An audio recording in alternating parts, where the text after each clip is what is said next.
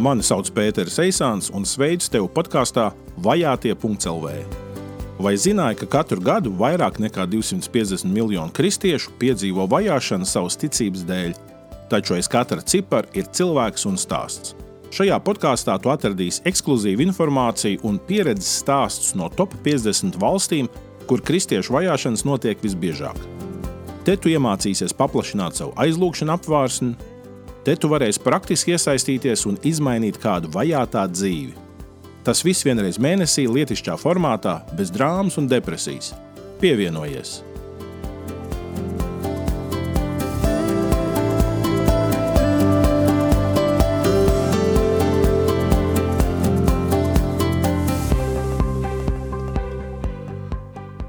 Vajātie.CLV Sveicu tev šajā epizodē! Otrajā daļā mēs runāsim par kristiešiem Jemenā un Irānā. Bet šo epizodi sāksim ar pieredzi stāstu par to, kā Latvijas kristieši iesaistījās globāla mēroga notikuma aizkulisēs. Tas bija notikums, kuru katrs sev cienošs medijs lika pirmajā lapā ar lieliem burtiem un košām bildēm. Taču pēc tam, kad viss bija pieklusis un uzmanības starmeši bija jau izslēgti, Tad daudzi latvieši kopā ar biedrību Baltijas globālā iniciatīva izdarīja reālu un taustāmu labumu nesošu mīlestības darbu. Par šo nedzirdēs nevienā Latvijas medijā, tāpēc šis ir stāsts par aizkulisēm. Tātad 2015. gada 15. februārī Pasaule šausminājās par to, ka Lībijā, skaistās vidusjūras krastā, tiek atvests 21 eģiptes koptu kristietis, koši oranžos cietumnieku tērpos, katram aiz muguras stāv melnā tērpti, maskēti islāma kaujinieki, un tad kameru priekšā šie kopti mirst. Dažus mēnešus vēlāk, kopā ar sadarbības partneriem, mēs ierīkojām 15 tīra ūdens ņemšanas vietas tur Eģiptes eh, ciematos, no kurienes nāca šie martīri. Un man bija tas gods sēdēt kopā ar šo martīru ģimenēm viņu namos. Viņi stāstīja stāstus par saviem dēliem, mēs dzērām tēju un mēs lūdzām Dievu. Kas notika? Kāpēc notika? Ko tieši mēs varējām izdarīt? Par to tagad vairāk podkāstā mēs parunāsim. 2014. gadā sākās akcija Zvaigzne austrumos. Kad bija noritējusi jau pirmā akcija, konteiners bija aizsūtīts, un tad, kad bija jau skaidrs tas datums, kad konteiners ieradīsies Jordānijā, eh, tad man kā akcijas vadītājam bija ļoti svarīgi, ka es varētu būt klāt, redzēt, kā konteiners tiek izkrauts, ka es varētu piedalīties eh, kurpju kastīšu dalīšanā, bēgļu bērniem. Man bija ļoti svarīgi iepazīties vairāk ar viņu mūsu partneriem Jordānijā, arī man bija ļoti svarīgi gūt pieredzi tieši personiski un nepastarpināti eh, saskarsmē ar bēgļiem, redzēt viņu situāciju, dzirdēt viņu stāstus, iejusties viņu ādā. Eh, jo, manuprāt, labdarībā un kalpošanā ir ļoti svarīgi ne tikai tas, ko mēs darām, bet arī šis klātbūtnes faktors. Ka mēs esam klātesoši, ka mēs iesaistamies, ka mēs nedarām lietas tikai kaut kā attālināti no distances. Tad nu, mans eh, arī viens tāds kā kalpotāja motīvs jau no senākiem laikiem, kad eh, es arī misijas rīkoju uz Baškīriju un, un tur mēs braucām. Man bija tas, ka ir svarīgi, lai ir gan aizlūgšana partneri, gan arī, dzen, lai ir eh, nu, vispār nekur nedoties vienam, lai ir vienmēr kāds pa mani gados jaunāks cilvēks. Un, lai tādā veidā arī no nu, misijas ideja varētu inficēt jaunākus paudzes cilvēkus. Nu, no Baškīrijas brauciena laikiem man bija pazīstams Toms Ašnevits, un es viņu aicināju braukt līdzi. Viņš bija gatavs to darīt. Tā nu, 2015. gada februārī divatā mēs devāmies uz Jordāniju. Tas bija mans pirmais brauciens uz Jordāniju, Tomam arī dzene. Un ieradāmies Jordānijā, lidostā. Nu, mazliet tā nu, jūt, ka nav Eiropa. Tur ne tikai pēc tādiem apģērbiem, bet arī bišķīt tāds nu, kaut kas tajā arhitektūrā bija pēc tādas, nezinu, nu, pēc padomju laikiem. Bet nu, dodamies tagad uz, uz, uz to robežu punktu, nopērkam arī vīzu. Tur pa naudu to uh, var izdarīt uzreiz turpat pie pašas paskontrolas. un dodamies iekšā Jordānijā.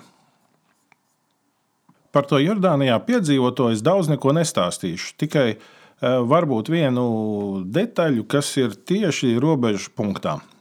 Es biju jau izgājis cauri, man paspīri pārbaudīt, es tur stāvu tagad tālāk un gaidu, ka nāks Toms. Zāle ir atklāta. Tur var redzēt arī visus tos robežsargus, visus cilvēkus, kas pie viņa lodziņiem ir piegājuši, tie redzami. Un es redzu, tagad, ka Toms stāv, viņš ir iedevis pasi un viņš gaida, ka viņam to dos, bet nedod. Paiet viena minūte, paiet otra, paiet trešā. Redzu, ka pienāk vēl kāds virsnieks, un pēc brīža vēl kāds, un viņi tur ar Tomu kaut ko runā un runā.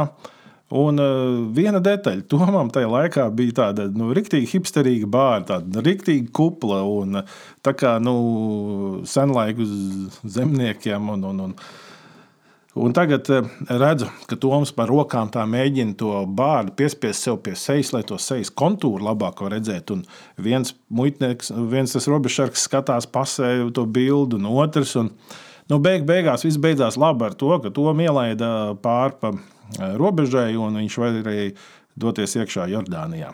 Nu, šo mēs stāstām eh, tam mācītājam, kas mūs sagaida. Viņš saka, ko jūs brīnaties? Vairums ISIS karotāji, ne varbūt ne vairums, bet ļoti daudzi ISIS, tātad Islāma valsts, šī teroristiskā grupējuma karotāji, nāk tieši no Eiropas. Un uh, Islāmā jau ir pieņemts šo bārdu audzēt maksimāli garu un arī neapgriezt. Un Toms ļoti izskatījās pēc eiropiešu ar tik kuplu bārdu, nu, tādēļ viņš bija aizdomīgs.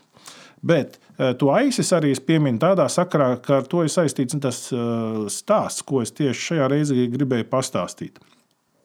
Nu, tagad mēs esam vairākas dienas bijuši jau eh, Jordānijā, un tagad mūs uzaicināja pie mācītāja uz mājām, ģimenē, viņa mājās, uz, uz tādām pusdienām. Tad viņa tēvs, mamma, māsa busiņā atbrauc mums pakaļ, un tad mēs ar Tomu. Priekšā mamma un tēvs, viņi jau nu, pie gadi 70 aptuveni. Tā mācītāja māsa ir aptuveni starp 20 un 30. Viņa sēž man pa labi, es esmu centrā un pa kreisi Toms. Braucam arābu valodā, nu mēs nesaprotam, nu mēs baigi neiespringstam, mierīgi braucam mūsu vēdu, viņi tur kaut ko runā. Un tagad tā meitene man blakus, viņa iedod mammai telefonu, un tā mamma skatās Tajā telefonā kaut ko acīm redzot, kaut kāds YouTube video vai kas, bet es pēc viņas reakcijas saprotu, ka tas ir kaut kas tāds emocionāls, kaut kas tāds satraucošs. Es nesaprotu ne vārdu arābu valodā, ja? bet es to lasu ķermeņa valodu un tās emocijas. Un tagad, pēc brīža, tā meitene paņem atpakaļ telefonu no mammas un uh, acīm redzot to video, viņa atstutējas atpakaļ uz sākumu un uh, noliek uh, man tieši acu priekšā un saka, watch, tātad angliski skaties. Un sākās video, parādās mūzika, un tur kaut kāda kustība. Un es ieraugu gar jūras krastu, iet oranžā tērpt mm, cilvēki. Nevar pateikt precīzi, cik tur 15 vai 20, bet var redzēt krietnes bariņš. Katram no viņiem blakus ir melnā tērpts cilvēks, ar tikai acis redzamas, nav redzamas. Visa seja pilnīgi nomaskēta un pilnīgi melnā. Un tad eh, šie oranžā tērptie tiek nostādīti ierindā, pēc tam viņi tiek noguldīti.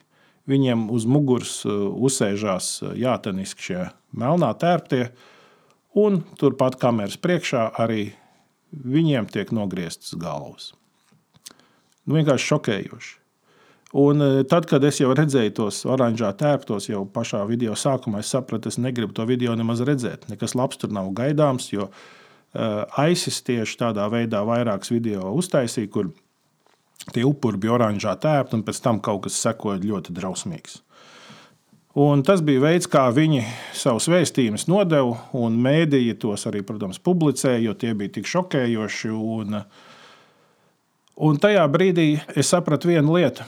Es esmu starp uh, kristiešiem, kas ir islāma vidē. Uh, viņi šo uztver ļoti personīgi. Viņi apzinās, ka pie zināmiem apstākļiem, zināmā situācijā, jebkurš no viņiem varētu tikt ieģērbts oranžā tērpā, un ar viņiem arī tas varētu notikt. Un tas bija ļoti smagi. Mani personīgi tas video ļoti emocionāli un diezgan stipri iespaidoja. Un, līdzīgi kā ar Zvaigznes austrumos, to kampaņu, man bija tāda sajūta, ka nu, es nezinu, ko es varu darīt, bet man tāds sajūta, ka būtu labi, ja varētu kaut ko šeit izdarīt, ka ir kaut kādā veidā jārīkojas.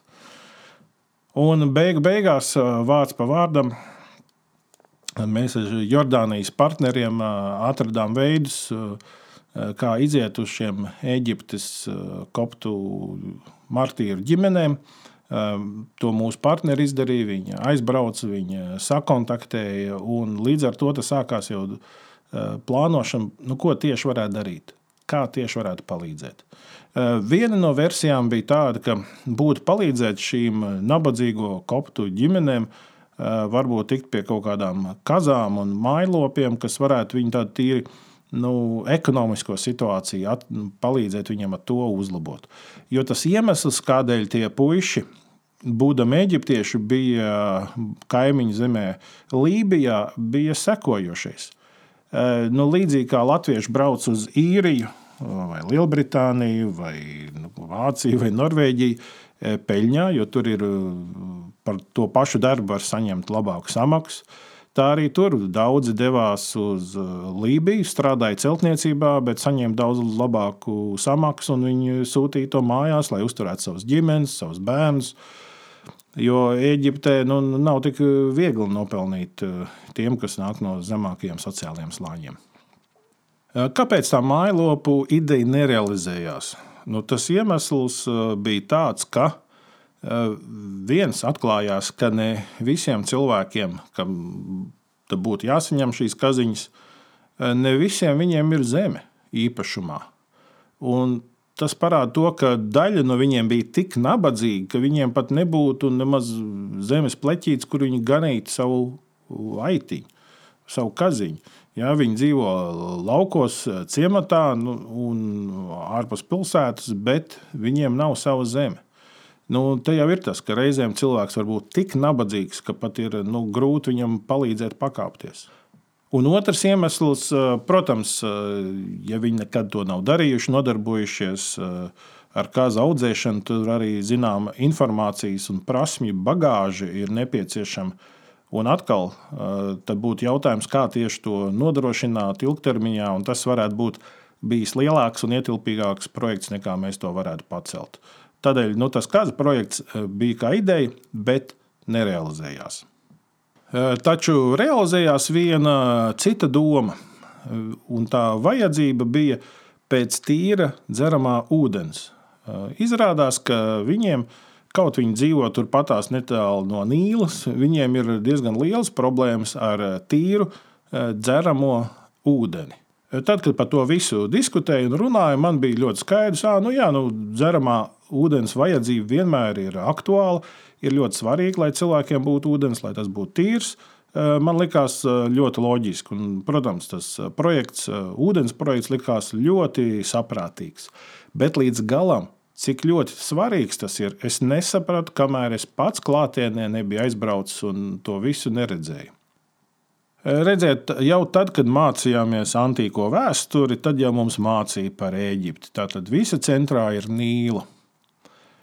Ja Nīlā ir ūdens, tad ir dzīvība, ja ūdens nav, dzīvības nav. Un, līdz ar to jau no antīkiem laikiem viņiem ir apbrīnojama irigācijas sistēma. Eh, dažādi eh, lielāki, un tad mazāki, un tad vēl mazāki kanāliņi, kā viņi šo ūdeni diezgan plašā teritorijā aizved prom no Nīlas, lai būtu auglīga lauksaimniecība. Tad nu, mēs braucam eh, pa šiem ciematiem un, un satiekam vairāk šīs ģimenes. Un braucot no viena ciemata uz otru, ļoti bieži ceļš arī iet garām nu, kanālam. Nu, atceros konkrēti vienu epizodi, mēs kaut kādu pusstundu braucām, un tur bija kaut kāds kanāliņš, eh, nu, nezinu, aptuveni brīžiem kaut kur kāda 5, 6, brīžiem 8 metri, nu, līdz pat 10 metru platumā, platākajās vietās. Un tagad eh, vienā vietā braucam, redzam, bērni peldās šajā kanāliņā. Peldās, priecājās, čalo un uh, Pabraucam minūtes desmit tālāk, redzam, tur kaut kāda smagā mašīna ar cisternu eh, laiž kaut ko tajā kanālā. Nu, kas tas ir, ko viņi tur laiž? Nu, Toaletes saturs.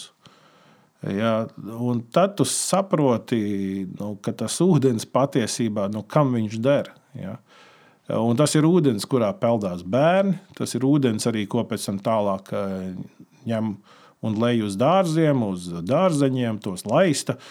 Un, eh, tāpēc arī tur nu, dažādi veidi slimības eh, arī nav nekas rets. Un tieši tāpēc šie tādi tīrā ūdens, dzeramā ūdens punkti, ko mēs ierīkojām, bija tik svarīgi. Ka ir kāda vieta, kur šie cilvēki var droši lietot ūdeni, nebaidīdamies par to, ka viņi kaut ko inficēsies, ka tur būs kaut kādas baktērijas, kaut kādas citas problēmas. Tādēļ tā bija ļoti laba lieta, ko mēs varējām izdarīt.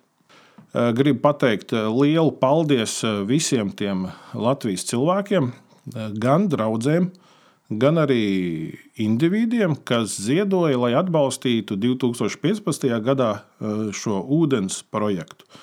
Nu, tad, kad bija jau skaidrs, ko darīs, tad es ziņoju draugiem un rakstīju e-pastus mācītājiem un, un aicināju atbalstīt. Un, un tas bija apbrīnojami, ka diezgan īsā laikā mēs varējām savākt aptuveni 4000 eiro.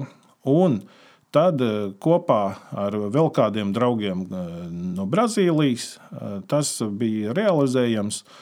Un mūsu jordāniešu partneri devās un sadarbībā ar vietējiem realizēja šo ūdens projektu. Tātad septiņos ciematos, 15 vietās tika ierīkotas ūdens ņemšanas vietas, kur bija tīrs, tekošs, dzeramais ūdens. Un tā specifika bija tāda, ka viena vieta, nu, tātad ciematā parasti tika divas šīs vietas. Viena tika ierīkota koptu baznīcā, otra mošajā, musulmaņu mošajā. Un atkal tā bija tieši viņu pašu lokālo līderu izvēle. Viņi teica, tā sociālā miera labad, lai būtu šī harmonija starp kopienām, mums ir nepieciešams, ka tas ir ierīkots abās vietās.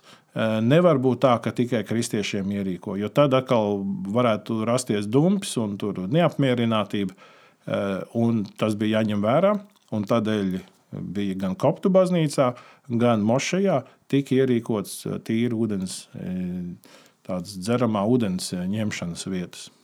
Tur bija speciāla filtrēšanas sistēma, Eh, lai gan no mikrodaļiņām bioloģiski attīrītu eh, šo ūdeni, kas tiek eh, ņemts no grunts, un lai viņš būtu kvalitatīvs un pārtikā un droši dzeršanai lietojams.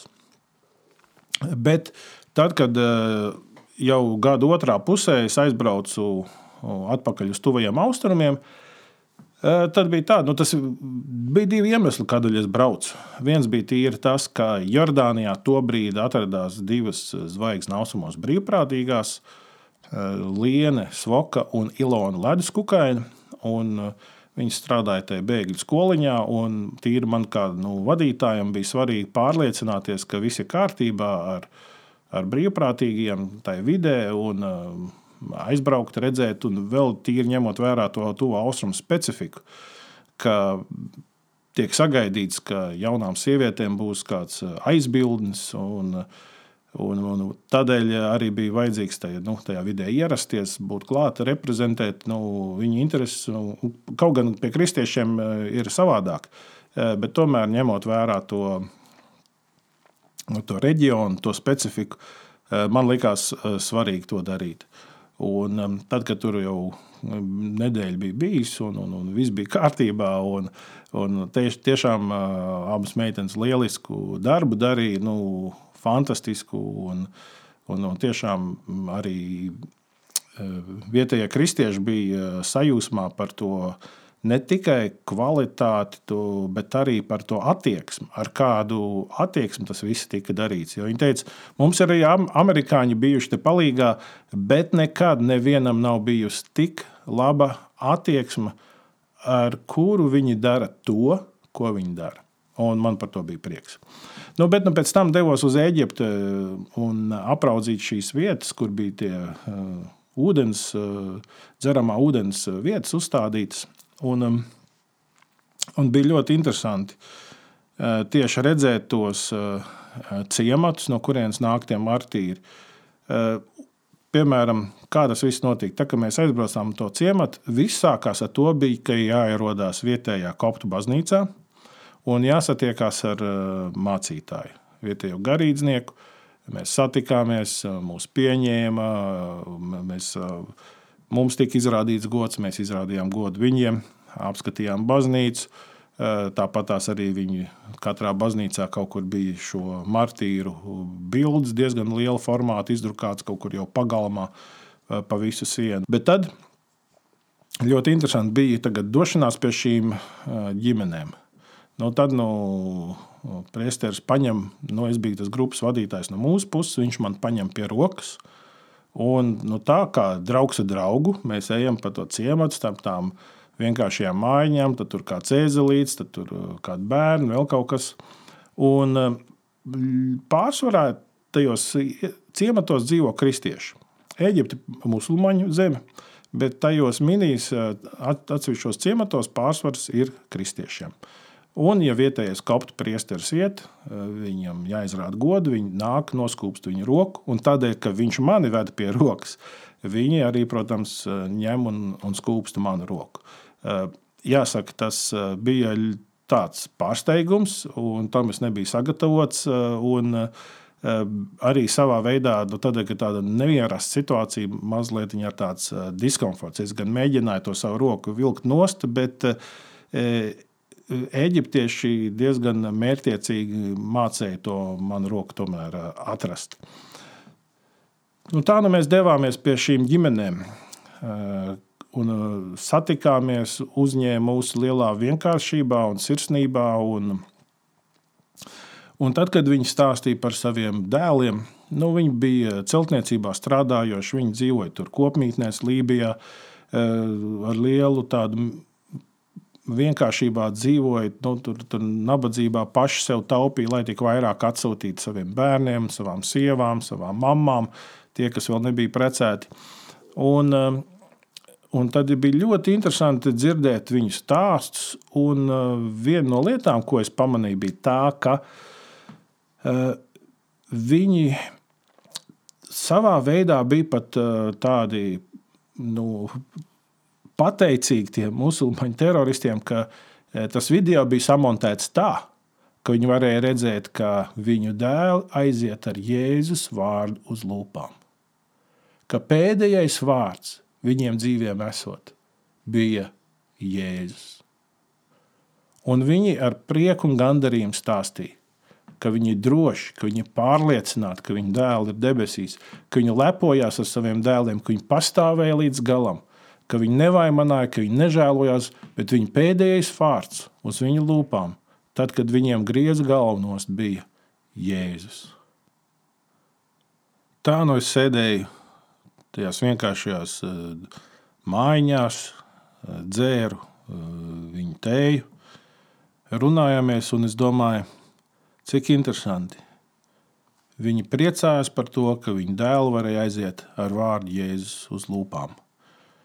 Un man likās tas tik apbrīnojami, bet no otras puses atcerējos savu bērnību. Tad, kad es augu, Tad, kad visapkārt es uh, dzirdēju pieaugušos runājumu par grūtībām, par vajāšanām padomju Savienības laikā, tad arī es kā jau bērns un pusaudzis domāju, cik svarīgi būtu arī man, ka man būtu drosme, ka es varētu tādā izšķirošā brīdī apliecināt Jēzu un ne, no, nekautrēties par viņu, neatkāpties no viņa. Un šeit tādi cilvēki bija. Bija daudz jau gadi gājuši manā dzīvē, un es jau biju piemirsis kā es biju domājis, kā bērns, ka arī man var gadīties kādreiz dzīvē tā.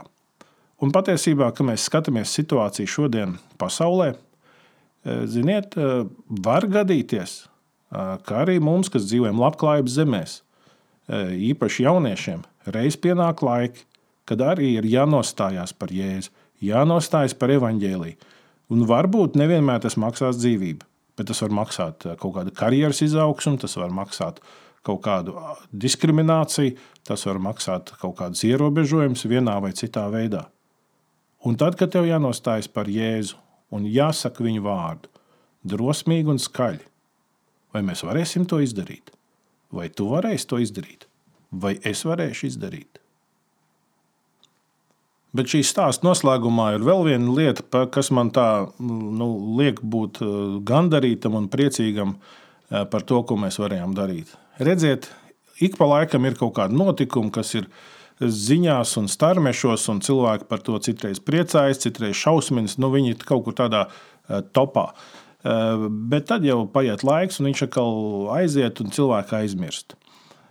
Cik labi ir, ja ir situācijas, ka mēs varam arī kaut ko darīt. Protams, mēs nevaram uz visām situācijām pasaulē rēģēt, bet ja ir kādas, kur mēs saprotam, tas ir tik spēcīgi mūsu uzrunājis, ka mēs varam mēģināt kaut ko darīt, ir labi, ka mēs arī rīkojamies. Un tāpēc eh, mēs no Latvijā mēs esam mazi, bet sapratīsim to, ka mēs neesam nevarīgi. Īpaši tad, ja mēs sanākam kopā un daudz apvienojamies, mēs varam izdarīt diezgan lielu, svarīgu un iespaidīgu darbu.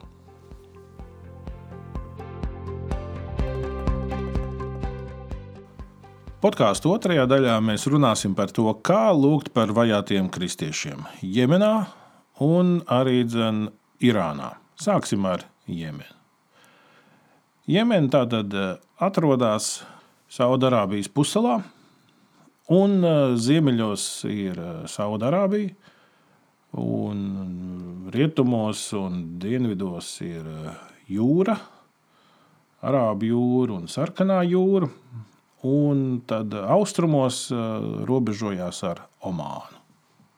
Jemenā ir aptuveni 28 miljoni iedzīvotāji, un, ja mēs skatāmies tieši to reliģisko sastāvu, tad uh, nu, publiskajos pieejamos datos ir nu, skaidrs, ka tur ir nospiedošs islāma pārākums.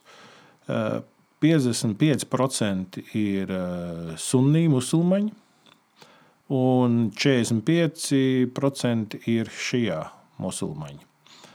Tātad eh, nu, sunni ir vairākums, teiksim, Saudārābija ir sunni, taču šajā islāms ir Irānā. Un tas arī ir viens no galvenajiem spriedzes avotiem, kas ir, ka Irāna no savas puses atbalsta tos, kas ir šie musulmaņi, un Saudārābija sunni islāma praktizētājs, un līdz ar to tāds cīņa par ietekmi ir no abām šīm lielajām valstīm, un pa vidu Jemena cieši. Kad skatāmies tieši uz kristiešu populācijas skaita un procentu, tad eh, teiksim, Wikipēdijā ir teikts, ka ir tikai 0,01% citas reliģijas. Tātad islāms un 0,01% ir citas reliģijas. Piemēram, nu, eh, nu, kādā pētījumā tiek lēsts, ka ir aptuveni tikai 400 kristieši kas ir bijušie musulmaņi, kas ir konvertējušies, bet nu, kas atrodas valstī. Tikai 400 no 28 miljoniem. Vēl tiek lēts, ka varētu būt nu, zem 50 tūkstošiem kristiešu, nu, tie dažādi ārzemnieki. Un vēl viena lieta. Tiek domāts, ka ir kādi vēl 50 ebreji Jemenā palikuši. Ja? Bet nu, arī par to tas tāda nav liela skaidrība, jo tur visi ebreji jau sen ir izspiesti un uh, izdzīti. Tātad šī nav vieta, kas ir draudzīga citādi domājošiem, citādi ticošajiem, un tādēļ arī kristiešu vajāšanas uh, tur ir ikdienas realitāte. Tas, ko es esmu daudz kur lasījis un arī vairākās intervijās dzirdējis, tā lielākā problēma, kas ir, ka tieši šī identitāte, ka būt uh, musulmanim, tas ir uh, nu, tā, ja tu esi Jemenas pilsonis, tev jābūt uh, islāma piekritējiem. Un pirms vēl valdība kaut kādā veidā reaģē uz tevi, vispirms ir tieši tava ģimene, kas sāk kaut kādas sankcijas pret tevi, sāk spiedienu pret tevi, un tādēļ pārsvarā tie arī musulmaņi, kas konvertējas kristietībā, viņi ir savu veidu pagrīdes eh, sekotāji. Eh, un viņi nespēja nemaz publiski atklāt to savu identitāti pat arī savā eh, ģimenē. Tā viena no problēmām, kas ietekmē pilnīgi visus Jemenā, ne tikai kristiešus, nu, kuru nemaz nav daudz, bet pilnīgi noteikti visus musulmaņus, ir šī starp tāda nu, konfesijas spriedze un uh, pilsoņu karš. Līdz ar to cilvēkiem ir jāieņem vai nu viena vai otra nometne, viena vai otra pozīcija. Tu esi vai nu par uh, vieniem, vai nu par otriem. Un, uh, un tad arī, dzen, uh, tad, kad notiek karš, notiek spridzināšana, uh, tiek sagrauta infrastruktūra, tiek sagrauta uh, ekonomiskā dzīvotspēja un jau ilgstoši sabiedrības neaizsargātākie slāņi, īpaši bērni, cieši no nepietiekama uztura, no nepietiekamas pārtikas, no nekvalitatīvas pārtikas. Līdz ar to tas Jemen ir viens no problēmu punktiem pasaulē kopumā. Par to jau vairs daudz nerunā. Tur visu laiku kaut kādas kara darbības notiek, bet tas nav tādā arī pasaules ziņu un mediju kaut kādā dienas kārtībā. Tādēļ tur cilvēkiem ir diezgan liela nolemtības sajūta un eh, bezcerība. Kā tieši mēs varam šonadēļ aizlūgt par kristiešiem Jemenā? Pirmkārt, Jemenā kristiešiem savu ticību jāpatur slepenībā, jo islāma atstāšana un konvertēšanās citā uzskatā eh, varētu tikt uzskatīta par pretvalstisku rīcību. Un tādēļ kristiešus vajā ne tikai viņu ģimenes, viņu kopienas, bet arī dzen, viņi var saskarties ar eh, valsts represijām. Tādēļ lūgsim par mūsu brāļu un māsu ticībā apsardzību. Otrkārt, lūgsim gudrību un drošību slepenajām mājas draudzēm, lai tās eh, varētu pastāvēt un lai tās varētu atbalstīt viens otru, lai kristieši var justies tādā kopienas drošībā.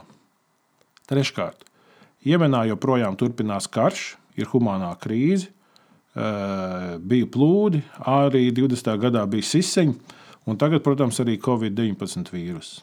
Un bieži vien palīdzība grūtībās tiek izplatīta ar vietējo mošeju palīdzību. Un tiem, kuri netiek uzskatīti par dedzīgiem musulmaņiem, palīdzība bieži netiek nemaz sniegta.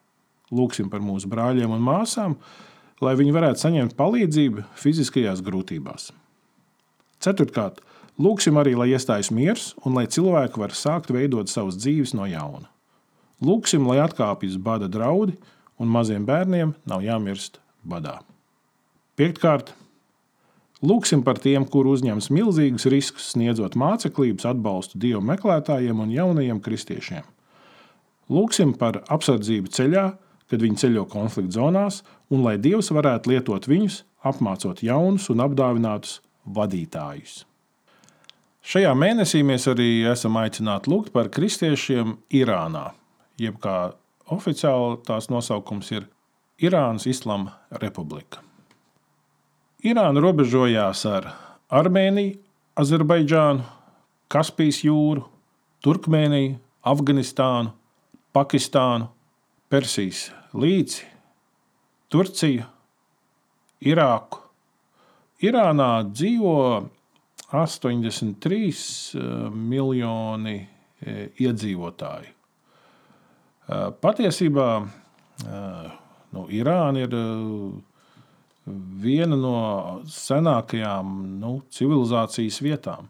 Ja, un, un tā ir arī viena no dinamikām, kas šobrīd ir jāņem vērā. No vienas puses ir šī Eh, islāma revolūcija, kas notika 78. Eh, gadā un nāca mūlis pie varas.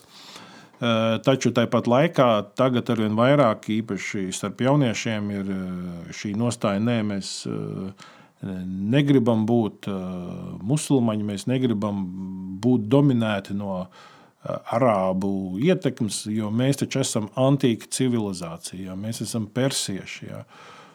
Un, Tāpēc eh, arvien pieaug Irānā, jūtam pieaug tāds eh, pret mullu, pret šo stingro autoritāro režīmu arī tas eh, noskaņojums.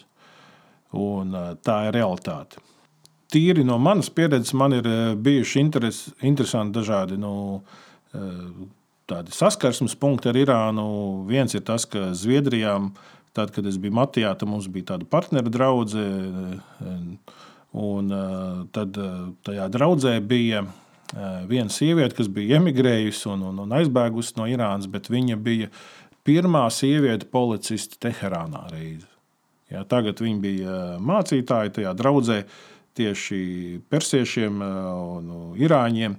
Un, un, un, diezgan tāda paliela grupa viņi tur bija.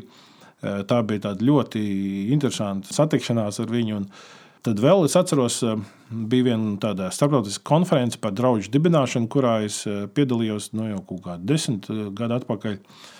Un, tur tieši tādā konferences starplaikā, kad dzērām kafiju, tad bija mums tikšanās ar vienu tādu lielu fonda pārstāvi. Eh, amerikāņu fonds, kas eh, ieguldīja finanses tieši kristīgās kalpošanās. Un eh, šis vīrs bija tas, kas arī dzen, to fondu vadīja. Un, un tā, mēs tur tā runājām, un viņš daudz ko pasaulē zina un atbalsta. Un es viņam jautāju, bet nu, tad, kad tu tā paskaties uz to visu notiekošo pasaulē, Kā tev liekas, kur ir tā vieta, kur šobrīd Dievs visaktīvāk darbojas? Tad viņš kaut kādu mirkli sēdēja klusi, domāja, domāja, un viņš teica, zini, man te jāsaka, tā ir Irāna.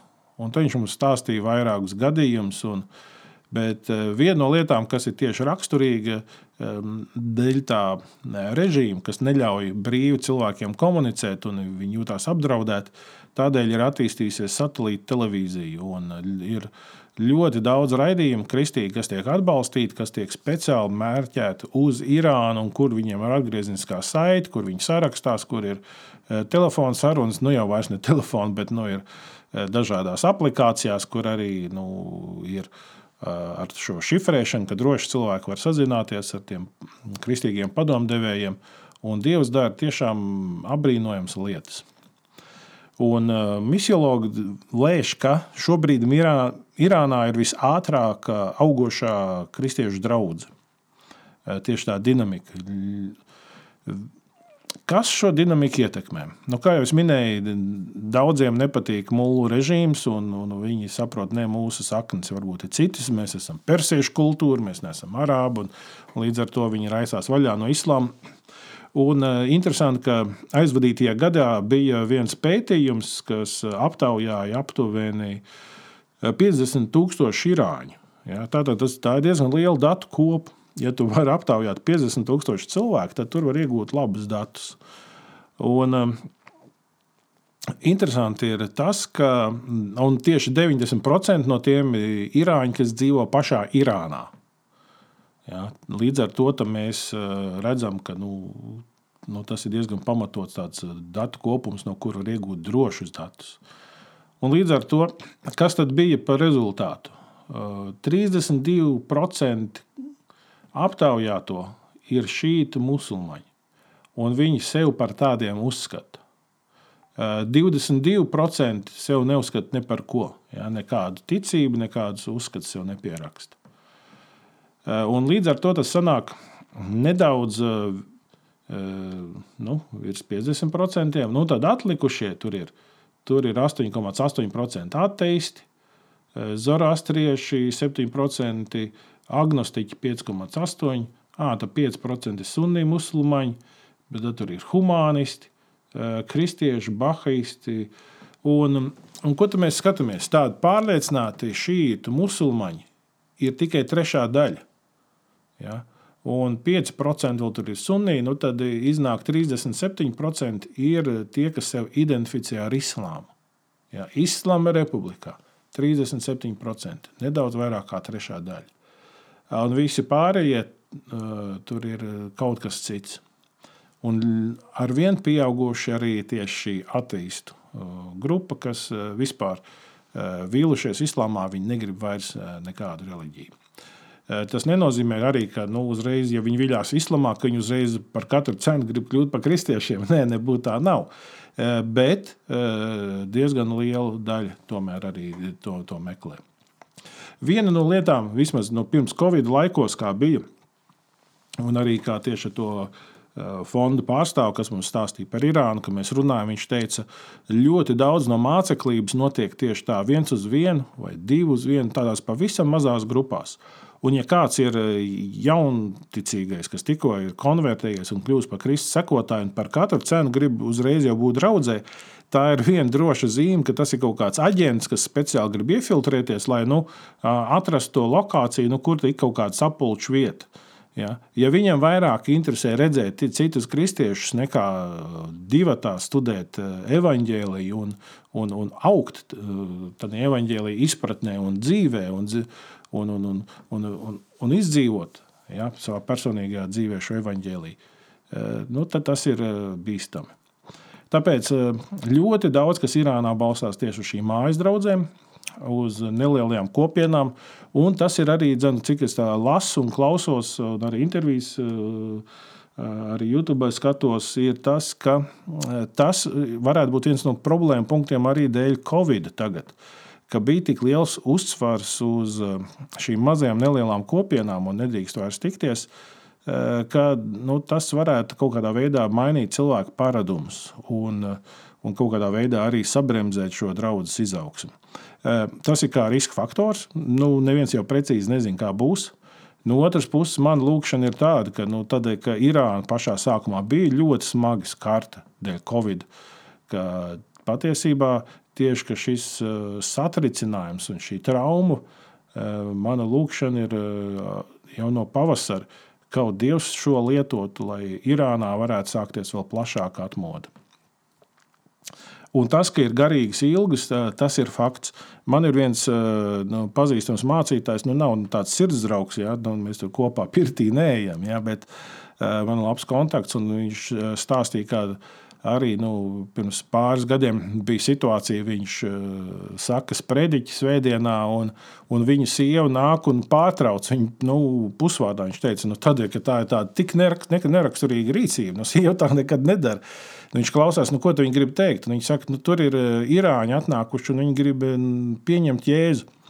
Eh, un viņš saka, nu, lai pagaida dievkalpojuma beigas. Viņš nē, nē, viņi nevar gaidīt. Viņi tik, tik ļoti to vajag darīt tieši tagad. Nu, tad viņš tur pasauc kāds brālis, diakons, teica, ejiet, jūs izrunājat, un, un, un, un ļaujiet viņiem pieņemt jēzu. Un tā arī bija. Un, un, un, un viņš pabeidz sprediķu, un, un viņi ienāk atpakaļ telpā, un izrādās, viņi ir nožēlojuši grēkus un, un lūguši lūgšanu, lai kļūtu par Kristus sekotājiem. Un, un viņš jau var viņus stādīt priekšā kā jaunos ticības māsas un brāļus. Tādēļ arī liela daļa no tiem irāņiem, kas ierodās no Eiropā vai Amerikā, viņos ir šīs garīgās ilgas, un viņi vēlās būt Jēzus sekotāji. Un, protams, kaut kādā veidā tie, kas skatās imigrācijas jautājumus, Eh, kuriem jāizšķir, nu, vai tur dot pilsonību vai nē. Viņi pat eh, brīnās, viņi saka, nē, nē, pārāk daudz tie īrāņi grib, kaut kas tur ar viņiem nav kārtībā. Eh, bet tas saskana to, ko mēs redzam dažādos misioloģiskos pētījumos, dažādās nu, komentāros, liecībās un, un intervijās, ka šī ir diezgan jau tāda visaptveroša, tautā esoša tāda nu, parādība. Tādēļ Irāna ir viena svarīga vieta, Tur ļoti, ļoti vajag mūsu aizlūgšanas, un, un lai tiešām Dievs pavērš. Un, un Irānai arī ir liela ietekme visā nu, globālajā islāma pasaulē. Tādēļ šīs ir ļoti, ļoti svarīgas lūkšanas un svarīga valsts, un par ko aizlūgt. Kā aizlūgt par vajātajiem kristiešiem Irānā? Pirmais - Irānas valdība musulmaņu konvertēšanos kristietībā uzskata par rietumu valstu mēģinājumu ietekmēt Irānas islāma vērtības. Tādēļ bijušos musulmaņus pārsvarā vajā valdība. Tas tāds valstisks jautājums. Kristieši, kas tiek arestēti, viņu ticības dēļ tiek sūtīti uz cietumu, ko sauc par spīdzināšanas rūpnīcu. Tādēļ lūgsim par kristiešiem, kuri ir ieslodzījumā, lai viņiem ir apsardzība un drīza atbrīvošana. Otrkārt, Lūksim par izolētiem kristiešiem. Daudzi kristieši Irānā nepazīst nevienu citu kristieti. Viņiem ir jāpaļaujas uz interneta resursiem un satelīta televīziju, lai uzzinātu kaut ko vairāk par Dievu un pieaugtu viņā. Treškārt, lūksim par mūsu brāļiem un māsām, kas savas ticības dēļ nesaņem atbalstu un palīdzību Covid-19 laikā. Un jāsaka, ka šīs ir motīvs, kas atkārtojas atkal un atkal daudzās valstīs, kur islāms ir vairākumā. Un ceturtkārt, Lūksim par tiem, kas iestājas par kristiešu tiesībām Irānā, gan tiem, kas atrodas valstī, gan arī ārpus tās, lai viņi tiktu uzklausīti un lai Dievs pasargātu viņus.